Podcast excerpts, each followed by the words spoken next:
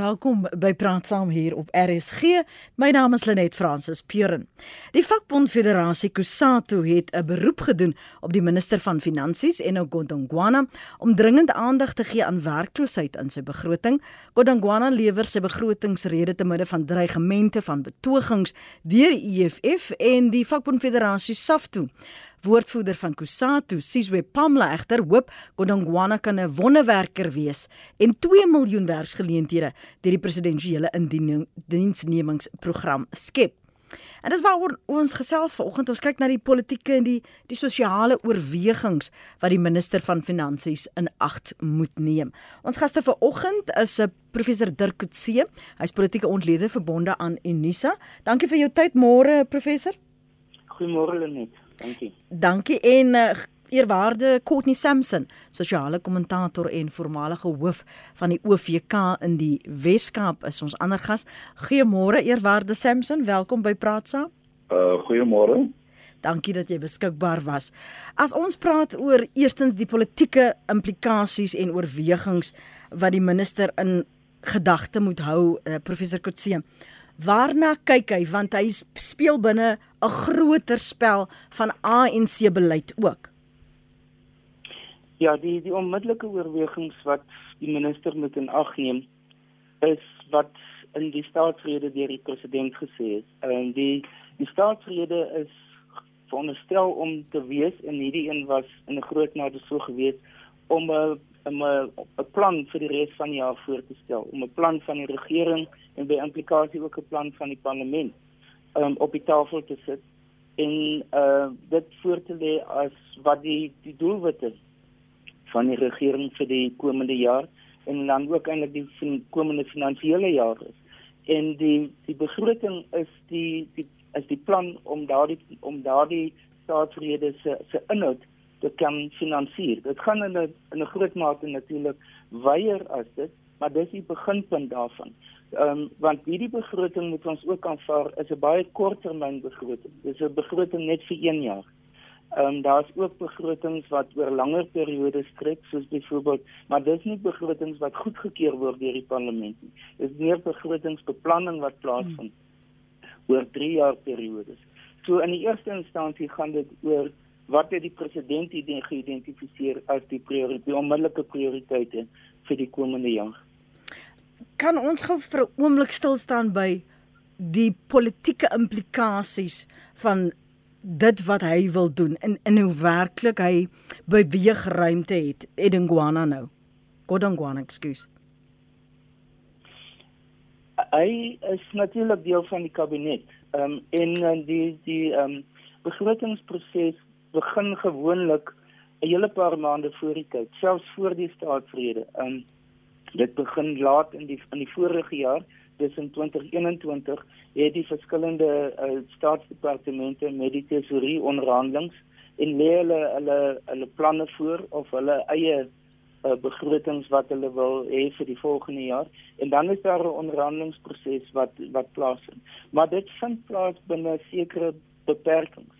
Die eerste beperking daarvan is wat is die die mediumtermyn begrotings uh, beleid wat die minister van finansies in rondom Oktober elke jaar aankondig. So dit is meer 'n beleidstoespraak, maar dit skep die op die die eh, parameters waarbinne die regering die volgende 3 jaar wil beweeg. Wat daarbey ingesluit is, is 'n verskeidenheid van van ander oorwegings wat die die opsies van die minister van finansies beperk. Hmm. Ehm um, die eerste is wat is die fiskale situasie? Uh En dit beteken wat is die moontlike bronne van inkomste en wat is die skuld wat die regering het. En ons weet dat die skuld as 'n persentasie van bruto nasionale produk het, het baie verhoog die afgelope paar jaar. Um, en dit beteken dat die die president by implikasie gaan twee of meer keer daarna moet kyk voordat hy ekstra uitgawes gaan aankondig waarvoor hy nie inkomste bronne het nie. Ehm um, dis om lenings aan te gaan. Ehm um, tweedens dink ek is dit gaan hy ook kyk van wat is polities onaanvaarbaar. Byvoorbeeld die idee om belastings te verhoog. Ehm um, en veral belastings soos byvoorbeeld ons ken dit as wet maar belasting op toegevoegde waardes. Is 'n tipe van belasting wat baie toeganklik is omdat dit oor so 'n wye spektrum toegepas kan ja. word. Maar byvoorbeeld Kusato en die ander vakbonde is algeheel gekant teen enige verhoging van so 'n tipe van belasting. Ehm um, en dan is daar ook natuurlik wat is polities dan baie aantreklik. Ehm um, en wat kan lei tot want ons is nie baie ver van 2024 ja, af ja. so alle politieke partye begin kyk van hoe kan hierdie tipe van instrumente soos begrotings gebruik word om hulle hulle aantreklikheid, hulle ondersteuning onder verskeie groepe om dit te bevorder. En dit is die voorreg wat wat 'n regerende party het. Hulle is in die posisie wat oppositie wat ander partye oppositiepartye het nie het nie om hierdie instrumente van die regering te gebruik ook tot hulle eie voordeel omdat die meeste mense hulle ondersteun. Dankie dat jy daaraan geraak het want ek wou vir jou vra in in hoe ver daardie 2024 um, amper soos 'n skadu oor nie net die minister nie maar die die ANC hang ons kan dalk later bietjie daarop uitbrei. As jy kyk na die verwagtinge en wat gesê is maar ook die wyse waarop hy sy 'n staatrede gelewer het eerwaarde Courtney Stemson is dit 'n geval vir jou van mooi broodjies bak of is jy optimisties? Ek bly maar optimisties, maar ek is dit baie dankbaar dat ek nie in Godongwana is. Mm vandag nie, maar professor sê is heeltemal reg. Hierdie proses uh, kom ons nou al 'n lang tyd aan. En ek dink dat die die probleem waarmee ek sit en wat ek net 'n ander ehm um, rigting inslaan hom vir wat dit helpvol kan wees. Ek dink dat een van ons probleme is die tekort aan politieke debat uh, rondom ehm um, die begroting En dit kom natuurlik jare aan en uh, voorheen aan en mense gesels nie, bespreek nie, debatteer nie oor wat behoeftes is. Goed word neergelê. Die minister ehm um, as ehm, um, lid van die kabinet moet dan uitvoering gee van 'n party se posisie. En ek dink dan ook die tekort aan uh, insaag van die oppositiepartye is ook baie problematies. So ek dink dat ons sit met 'n probleem waar ons nie regtig 'n kans kry om te hoor en te debatteer in debat te oor, oor wat die dieper behoeftes is nie. Aan die een kant het die mense nou Kosato wat uh, hulle uh, punt uh, neerlê en ek dink dit is altyd belangrik om na dit te luister ook. Maar ek dink dat waar ons uh, soms vashak na my mening is die feit dat ons binne in 'n konteks van neoliberalisme uh fungeer uh in Suid-Afrika en dit uh het ook beperkings van sy eie. En dan sit ons ook met 'n situasie waar daar uh verskillende gemeenskappe is wat verskillende behoeftes het. En ons fokus so baie soms op die hard skills wat nodig is maar daar is te min fokus op die soft skills mm. oor hoe mense met mekaar saamleef. Daar is sommige van ons gemeenskappe wat sit met baie ernstige sosiale patologieë. Jy weet kinders of kinders kry armoede wat wat ongelooflik is en wat net nie wil verbygaan nie. Uh geweld, geslags gebaseerde geweld en algemene geweld oor hoe mense geweld toepas om te kry wat hulle wil hê en hulle behoeftes op die tafel neer te sit. Ek dink dit het te doen met die feit dat daar nog te veel Suid-Afrikaners is wat op uh, Engels sê in rif op die periferie van die samelewing leef. Jy weet hulle voel nooit regtig deel van die hoofstroom van Suid-Afrika uh, se lewe nie en van die samelewing nie. So vir hulle is dit baie maklik om dan ehm um, uh soort van aanvalle te loods of wat hulle beskou as staatsinstansies. Soms is dit skole, soms is dit hospitale. Soms is dit net baie aan die brandsteek. Jy weet net om my aandag te kry om te sê ons is ook hier. En as jy veg hier van die periferie af, uh dan is dit nooit joune wat jy afbreek. Dis altyd hulle se. Want jy voel nie dit behoort aan jou nie.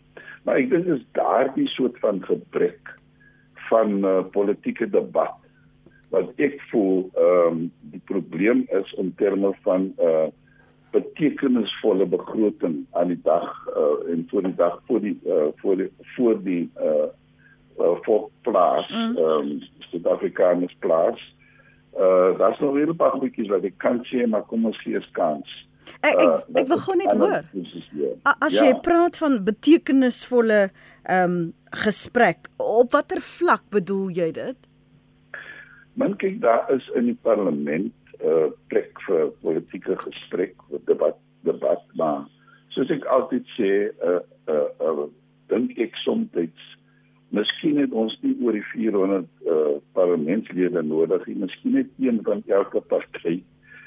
en die party het miskien 200 setels, so een persoon kan sê my party stem 200 200 uh, het 200 stemme, want ons het 200 mense. Die ander party ehm um, sê ons het 50 mense, so ek my stem beteken 50 jy weet dit is die probleem van debat want daar is mos nou die hele tyd waar mense vooraf besluit ja. uh binne in die party se caucus. Dit is ons posisie en dan van almal maar voort en almal uh, stem in dieselfde manier so die debat vind geen sins plaas nie dan kan mense vat na civil society organisasies toe gemeenskapsorganisasies in die debat wat van daai kant af kom en of daar ruimte is vir daardie debat om regtig na geluister te word. Daar is die ehm um, die uh, trade unions, ehm um, die werkers, mense wat belangrike uh goed het om te sê word dan na daar regtig na geluister of is dit by ou en net 'n geveg tussen uh, politieke partye wil wie die oorhand kry en hierdie ander party die slegste kan laat lyk jy weet hy sou dan amper soos 'n soos 'n spel wat plaasvind. Ehm um, jy weet en dit is wat vir my onrusbarend is in terme van die pad vorentoe, maar dat ons wel kan vorentoe gaan, is ek baie optimisties oor. Maar dan sal ons uh as 'n ekstra parlementêre ehm um, soort van geaardheid moet ontwikkel. Jy weet dat alles nie net in in in in parlement gebeur en dat die enigste mense wat in die openbare diskurs 'n posisie het om om om om om uiting aan te gee een of ander leier moet wees van 'n politieke party nie maar dat die Suid-Afrikaners oor die algemeen verteenwoordiging kan hê. Het sê hulle aan 'n politieke party behoort of nie, maar omdat hulle Suid-Afrikaners het, is het hulle 'n stem buitekant die partytetiek en parlementêre politieke uh stelsel waarin ons self bevind heidaglik. Gert van Rodeport skryf die SA ANC begroting is niks anders as a dream of free pie in the sky sê Gert en uh, Samuel Walters op Gouda sê 'n ANC kabinetminister is soos 'n polis agent vol beloftes en lieg dat hulle hulle self begin glo. Uh, jou mening oor wat uh, Courtney daar sê professor Dirk Coetzee want Ons het gesien na sy staatsrede het DA se um, John Steenhuisen uh, so sarkasties daarna verwys dat die president en die ANC eintlik DA beleid inkompereer in die planne wat hulle op die tafel plaas. Kom ons praat oor die EFF en die die vakbonde se reaksie tot dusver en hoeveel van daardie agendas dink jy word en gaan weerspieël word in en ook uh, Godongwana se begroting? Ja, ek dink met die uitgangspunt van 'n begroting of van 'n regeringsaankondiging is gebaseer op die feit dat hulle die meerderheid steun van die bevolking het. Ek meen dis die hele beginsel van verkiesings van 'n demokratiese van 'n demokratiese bedeling is dat daar's daar's 'n party wat die meerderheid van ondersteuning het en die oppositieparty het die minderheid daarvan.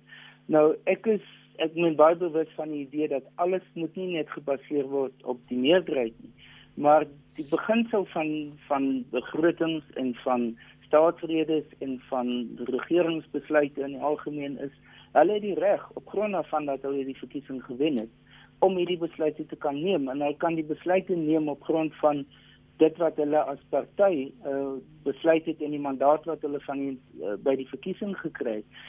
Deel van hierdie beginsels is ook dat regerings verander en dat hulle nie vir lang periodes aan bewind moet wees nie. En dis natuurlik een van die situasies in Suid-Afrika wat nie noodwendig nagekom word nie, maar dis 'n besluit van van ons kiesers. Dis nie iets wat deur die enige politieke party afgedwing word of of of ingebring is of die gro grondwet wat gemanipuleer word nie.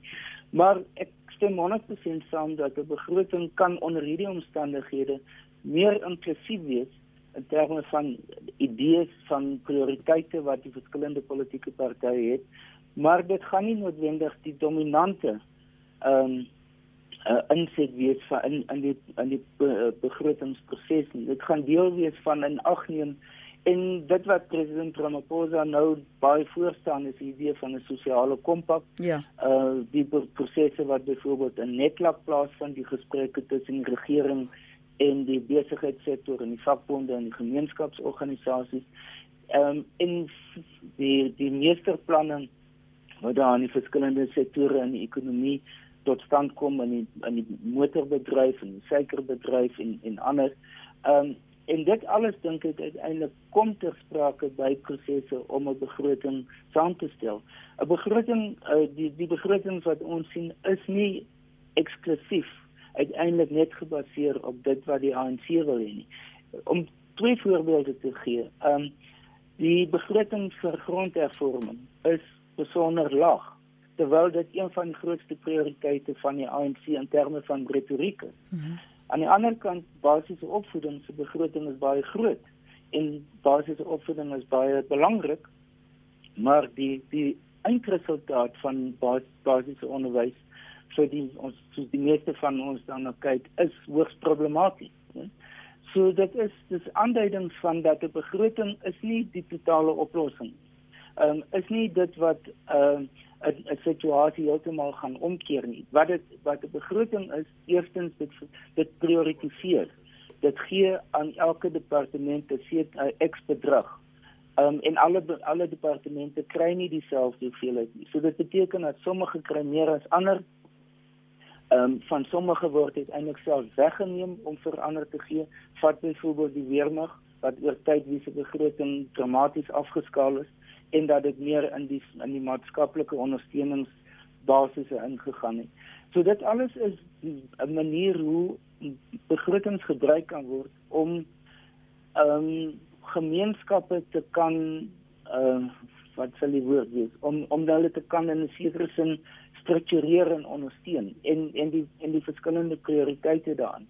Maar daai prioriteite word in die eerste instansie deur die regering bepaal op grond van dat hulle die die meerderheid steun van die bevolking en van die kiesers het.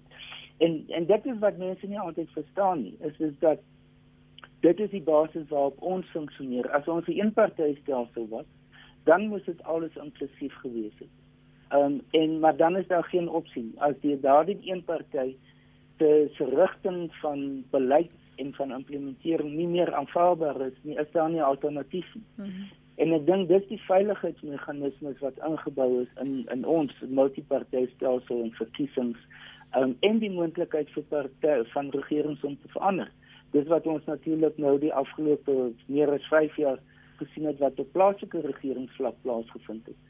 So ek dink dis die perspektief wat mense moet hê as jy kyk na uh, na begroting. So Die begrotings van voor 2016 op plaaslike vlak lyk waarskynlik nou anders as die begrotings in Tshwane en Johannesburg en Ekurhuleni en anders as wat daar op die oomblik of wat hierdie komende jaar gaan wees.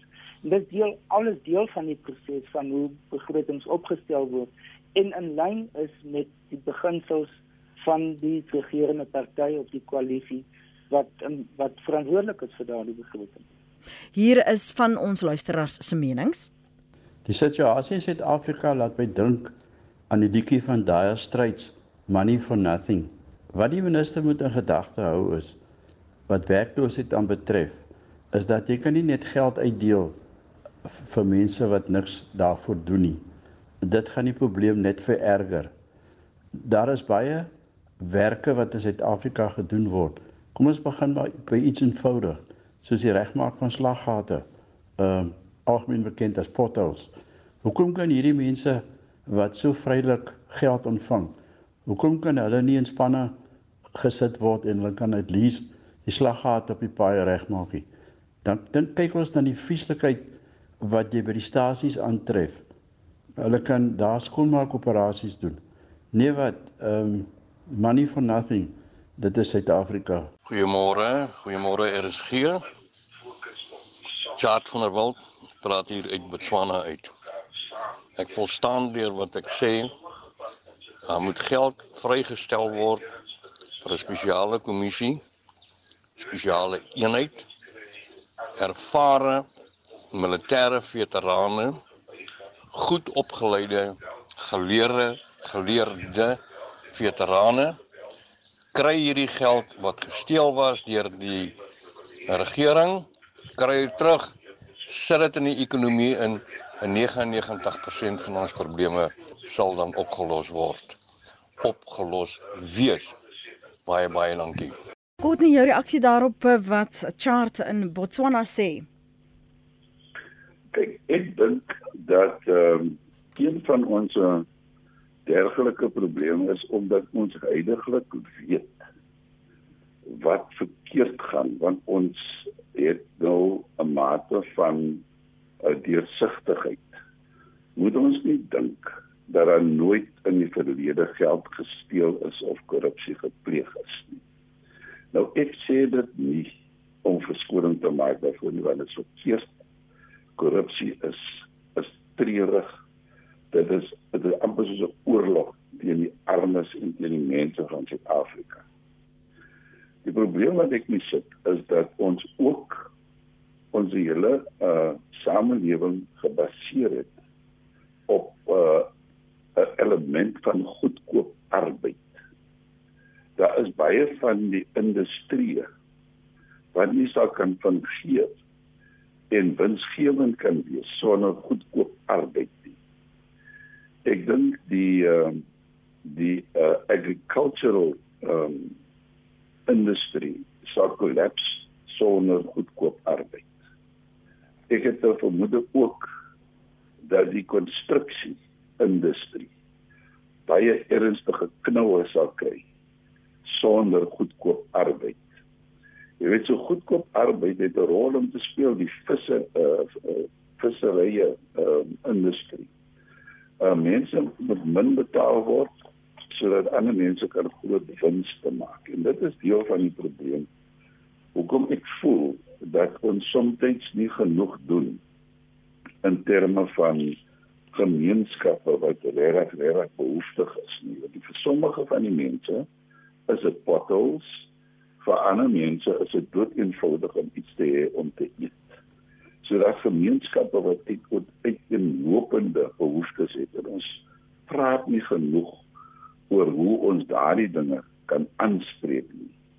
So ek dink dat op die ou end kan ons niemand in vrede saam leef nie want die uh, sosiale die social fabric is uh, skade aangedoen. En ons moet daaraan begin kyk hoe ons dit kan regtrek. Ek kyk byvoorbeeld na hoe ons mense ehm um, geld kom ons vat op uh, opvoeding. Uh, daar word baie geld ingesit in opvoeding. Ehm um, skole word gebou, jy weet, onderwysers wat opgelei en so aan. Maar as jy sit sonder 'n ordentlike werksetiek en daai is die soft skill. Ja. En dan uh, begin goed nie die reg werk nie, want dan gaan mense skool toe, uh, so dat hulle kan huis toe gaan en rustig wees en so aan en dan kry jy natuurlik hardwerkende onderwysers, hardwerkende mense wat alles insit. So ek dink werksetiek is ook belangrik in ons skole sodat as jy daar uitkom en jy kom uit die universiteit, dan weet jy wat jy moet doen en hoe moeilik dit is om 'n lewe vir jouself te kan maak.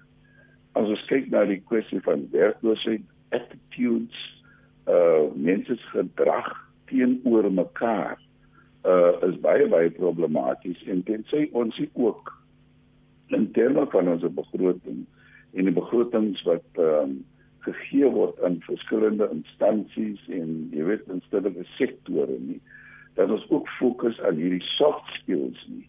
Uh gaan ons aanhoudend probleme het vorentoe maar om te maak asof ons groot probleem nou die korrupsie is van die hedendaagse tyd ek dink is miskien nie heeltemal uh, reg nie. Ek dink ons probleme kom van diep af, van ver af. En hierdie probleme moet aangespreek word. Dit word nie aangespreek nie want mense steel van die geld van staat. Ehm um, en hulle kom niks oor nie. Ehm um, en en dis deel van die probleem dat mense moet aangespreek word. So ek dink dat as jy kyk na die sosiale patologie, uh wat vir wat baie van dit uh wat veroorsaak deur armoede, maar hierdie vlakke van geweld wat ons sien, vir vlakke van rassistiese denke uh, is ongelooflik en is groeiend in baie gevalle.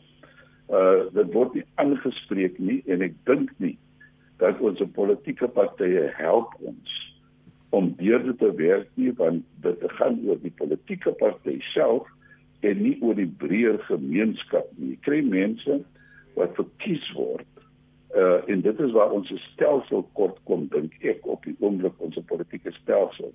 Jy word verkies in 'n party.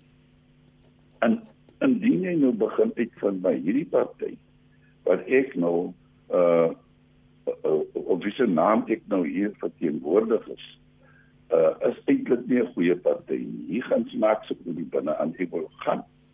En as jy daai party verlaat, dan verloor jy jou setel. Jy weet so daai is so van goedjies wat moet aangepas word. En dan dink ek dan sal ons begroting miskien op die ou end baie meer uh verteenwoordigend wees van die behoeftes van die verskillende gemeenskappe waarna ek vroeër uh verwys het. As ons gou praat oor die die impak van van hierdie ehm um, begroting. Dirk, jy het vroeër vanoggend in die gesprek gepraat oor die eintlik dit is 'n verlenging um, van die staatsrede en van die aspekte wat die staatspresident daaraan geraak het. Die geloofwaardigheid hiervan as daar soveel uh, agendas op die spel is, kan ons nog glo wat gesê word met 'n agneming dat daar 2024 'n 'n verkiesing is en dat almal sê wil hê, almal nog hulle hulle ehm um, groen te tuin wil voed en wil seker maak hulle skep. Ja, dis dis 'n moeilike vraag om te antwoord. Ehm um, want daar is en elke party kyk vanuit sy spesifieke hoek na die begroting. Ehm um, en probeer ook kyk of hulle nie van hulle eie prioriteite uiteindelik ingesluit kan kry in die begroting. Die, die punt wat ons nog nie oor gepraat het nie is dat die begroting na vandag is nie afgehandel nie. Ehm um, hmm. dit gaan dan in die parlementêre proses in en dan letterlik elke elke departement se individuele begroting binne die nasionale begroting gaan word dan redelik intens bespreek. Ehm um, so elkeen van die individuele ministers moet moet dan hulle departementele begroting verdedig en verduidelik en en wys wat hulle in die verlede met hulle vorige begrotings gedoen het en hoekom hulle hulle begroting nou goedgekeur moet word. So daar's 'n klomp goedkeuringsprosesse wat nodig is en dit gaan is in die in die oop. Dit vind dit 'n openbare debat. Mense kan dit op televisie na kyk. Ehm um, en die oppositiepartye, al die verskillende partye kan hulle insette lewer.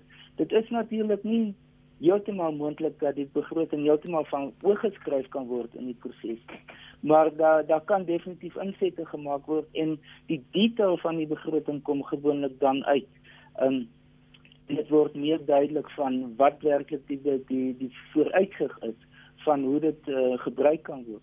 Ek dink een van die aspekte wat en dit klink 'n bietjie aan by van die, die vorige punt is is dat dit gaan nie net oor die beskikbaarheid van geld nie, maar dit gaan eerder oor hoe daardie geld beskikbare geld uiteindelik geïmplementeer word. En dit gaan oor die kapasiteit, die die kundigheid van die van die amptenare. Dit gaan oor die die die beleidsrigtinge wat elke per, uh, departement het um, en hoe hulle dit kan implementeer. Dat dat op baie vlakke is daar begrotings wat nooit spandeer word nie, veral op um, byvoorbeeld op 'n plaaslike vlak of provinsiale vlak, selfs op nasionale vlak. Ehm um, en dit beteken dat daar dan nie noodwendige tekort aan te, aan geld is nie, aan 'n begroting is nie, maar dit word nie noodwendig konstruktief aangewend nie. So dit dit is 'n ander aspek dan ook daar is nie noodwendig 'n tekort aan geld nie. En in die totale bedrag van die begroting gaan ons nou vanmiddag hoor. Maar dit is oor in Engels praat hulle van 'n trillion of trillion. Ja. Dit is 'n miljoen miljoen rand. Ehm um, so dit is dis 'n groot klomp geld. Die die vraag is of daardie begrotings of daardie toekennings wat gemaak word of dit uiteindelik die eindpunt bereik, die punt bereik waar dit uh, toegepas moet word waar dit geïmplementeer moet word en of dit langs die pad verlore gaan in die vorm van korrupsie. So daar daar's verskillende aspekte wat hier te sprake is. Die die een ding van die begroting wat anders is as byvoorbeeld die staatsrede is dat die begroting is baie meer konkreet. Dit sal begin al reeds deel word van 'n implementeringsproses want hier 'n begroting is toekennings word gemaak in die vorm van van geld, van begroting. Ehm um, so dis nie meer dat dit gaan oor politieke uh uh toesprake dat dit gaan oor wensdenkery oor wat moontlik kan plaasvind of wat wat geskik sou wees maar hier vind werklike toekennings plaas. Ehm um, so dit is dis dis baie meer konkreet en op grond daarvan kan 'n baie meer direkte interpretasie gemaak word van wat uh wat hier plaasgevind het wie het wat gekry, hoe is dit geprioritiseer, waarvoor is dit veronderstel om gebruik te word. Wat byvoorbeeld nie in die staatsrede of enige ander politieke toespraak of uh, aankondigings of so te sprake is uh, wat te sprake kom. Ehm um, of dit uiteindelik uh, die politieke ander die oppositiepartye sou help en of hulle uiteindelik in 'n sekere sin geakkommodeer kan word. In sommige gevalle ja. Ehm um, en hulle kan soos ek sê aanpassings maak aan sekere aspekte daarvan. Dit uiteindelik vind dit baie plaas in aan goed wat ons nie noodwendig altyd dop hou en sien nie. Soos byvoorbeeld in die portefeulje komitees. En al die departemente moet dan aan die portefeulje komitee jaarliks 'n jaar jaarverslag lewer waarin hulle verduidelik wat hulle met hulle begrotings gemaak het. En dan gaan die die finansiële bestuur van so 'n partye gaan na skoor toe. Dis die gekose komitee oor openbare rekenings waar hulle dit ook moet verduidelik in baie meer detail. Ehm um, en dan van die bespreking van deur ministers en die direkteur-generaal en ander in die portefeulje komitees plaas. So daar is 'n omvattende proses wat die publiek gewoonlik nie sien of ook nie deel is van nie as jy nie pertinent daarna kyk nie. Mhm. Ehm um, en dit dit is wat die die die stelsel is wat rondom die die begroting funksioneer. Um, en wat dit um, wat aan die tesorie natuurlik sy mag gee. Want dit is dis waar die tesorie se prominensie vandaan kom is dat hulle bestuur dit alles. En enige be, enige sta, staatsdepartement as hulle wil verander aan hul begroting moet hulle eers begin onderhandel met die tesorie. En die tesorie is eintlik die finansiële waghond wat optree namens die president maar ook in 'n groot mate namens ons as die publiek om seker te maak dat departemente nie nie verby hulle die perke van hulle begrotings gaan. So dis dis 'n omvattende stelsel ehm um, wat die mens eintlik alles in ag moet neem as jy wil verstaan wat die impak van 'n ja. begroting op die politiek en op politieke partye is. Praat saam waar jou mening tel. Uh goeiemôre daar, net 'n gaste. Dit is Frans van Makland. Weet jy Suid-Afrika se grootste probleem is vraatsagtigheid. Ek stem saam dat daar moet werk geskep word. Maar kom ons kyk terug in Suid-Afrika se verlede, dat kyk ons wat werk ek in Suid-Afrika vir alle mense gebring het. Die grootste probleem in hierdie land is dat die herverdeling van rykdom moet in ons kern geneem word. Daar moet herbesin word daaroor.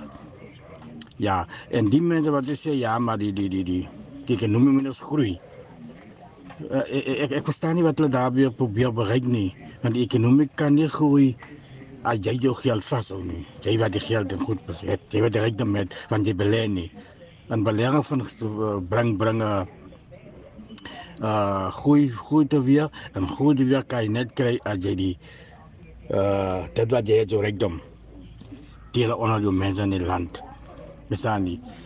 Werkskeping ek is nie so seker daarvan die selfwerk selfwerk ja daarmee stem ek volkom saam. Maar werkskeping in Suid-Afrika en in ander lande werk dit want die mense word daarvoor betaal. Maar in Suid-Afrika nee die mense word betaal hulle is te vraatsugtig hulle is te wingerig hulle is te kapitalisties hulle hulle brein is te kapitalisties ingestel. Ek is jammer om so te stel maar dit is die probleem in hierdie land. Baie baie dankie vir so 'n goeie program. Ek hoor alles wat die jou gaste daar sê, maar wat my aan betref in die ANC, die ANC is goed in sy strategie om reeds mense so werkloos te hou om hulle aan die toela vas te vang. Die Suid-Afrikaners, die werklose Suid-Afrikaners is vasgevang aan die toelas wat dis nou reeds die ANC se plan om nie werk te skep daar nie om mense eh, werkloos te hou sodat die meer kan meer stemme kan hê want die mense so toegeval eh, hulle so blind gemaak van die ANC die mense wat nou net moet werk kry. Die ANC moet nou net werk sê dat die mense werk dat die hongersnood kan bietjie verminder en die werkloosheid. Nou so dis die ANC se plan om die mense werkloosheid te minder die mense nou net aan die ANC kan start maak om dis sonder die ANC as ons niks. Daarom moet ons altyd die ANC stem want ons kry daarom iets as ons nie werk nie. Dis dis die ANC se plan om die mense werkloosheid te maak dis my mening net aksie bosman en Jan Kempdorp by dit vir hulle verwys albei na die groter sogenaamde agenda.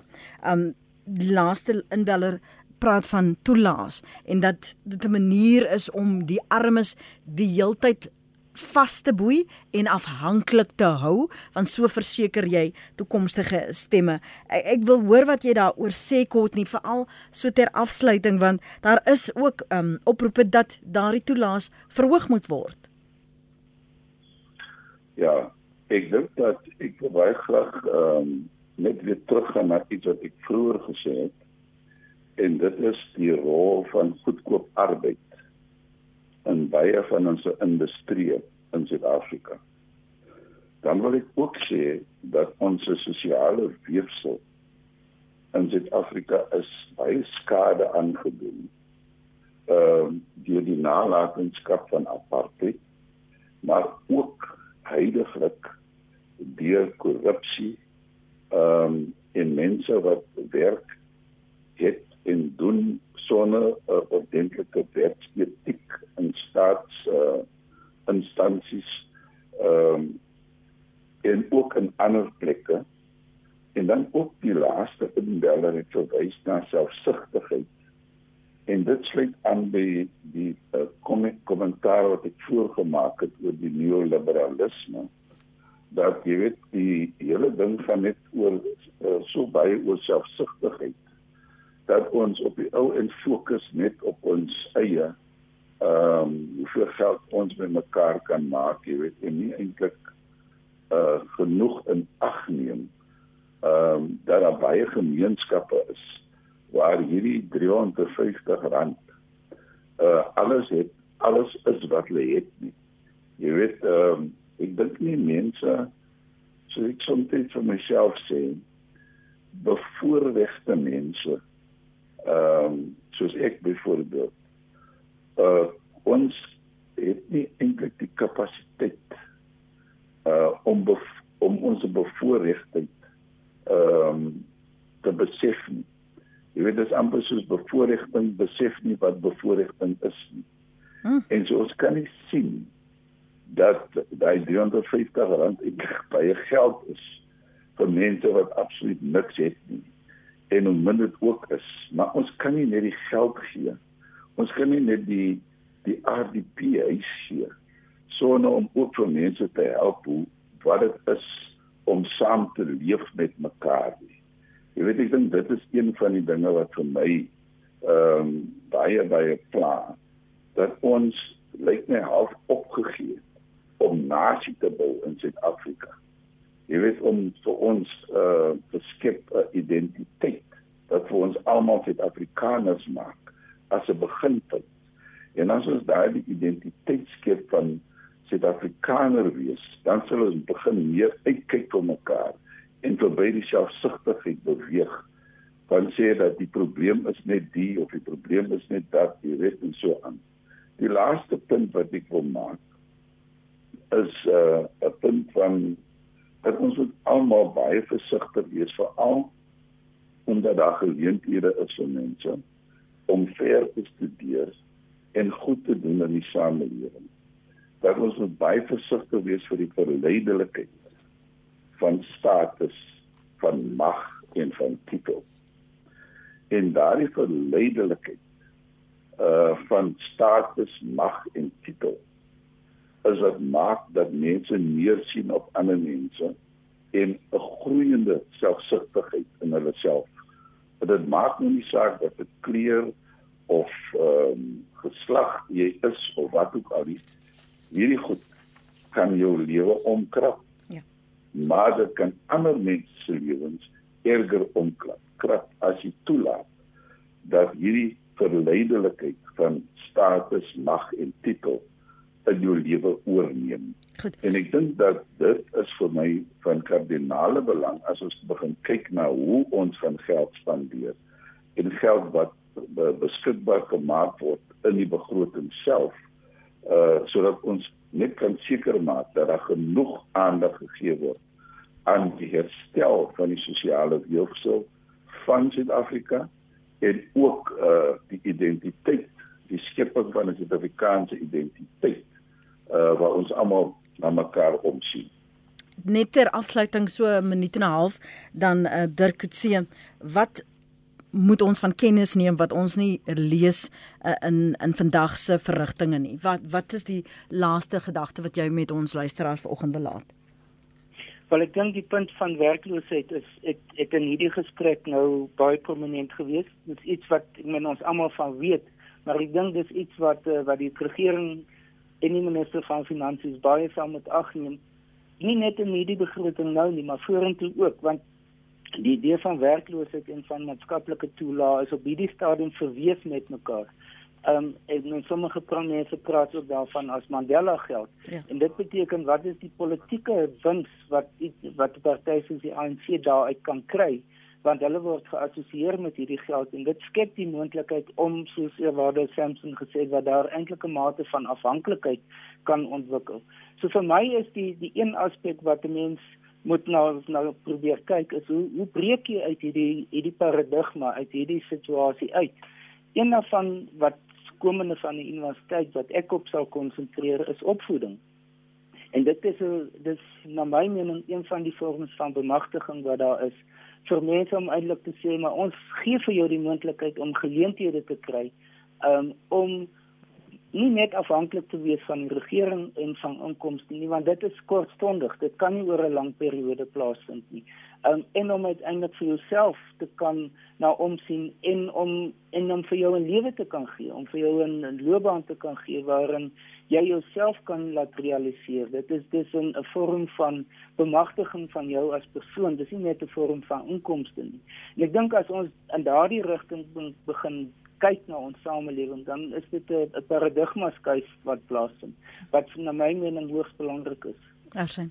Dankie professor Dirk Coetzee, politieke ontlede verbonde aan Unisa en eerwaarde Courtney Sampson, sosiale kommentator en voormalige hoof van die OVK in die Weskaap. Dankie vir julle bydrae vanoggend op Praat saam.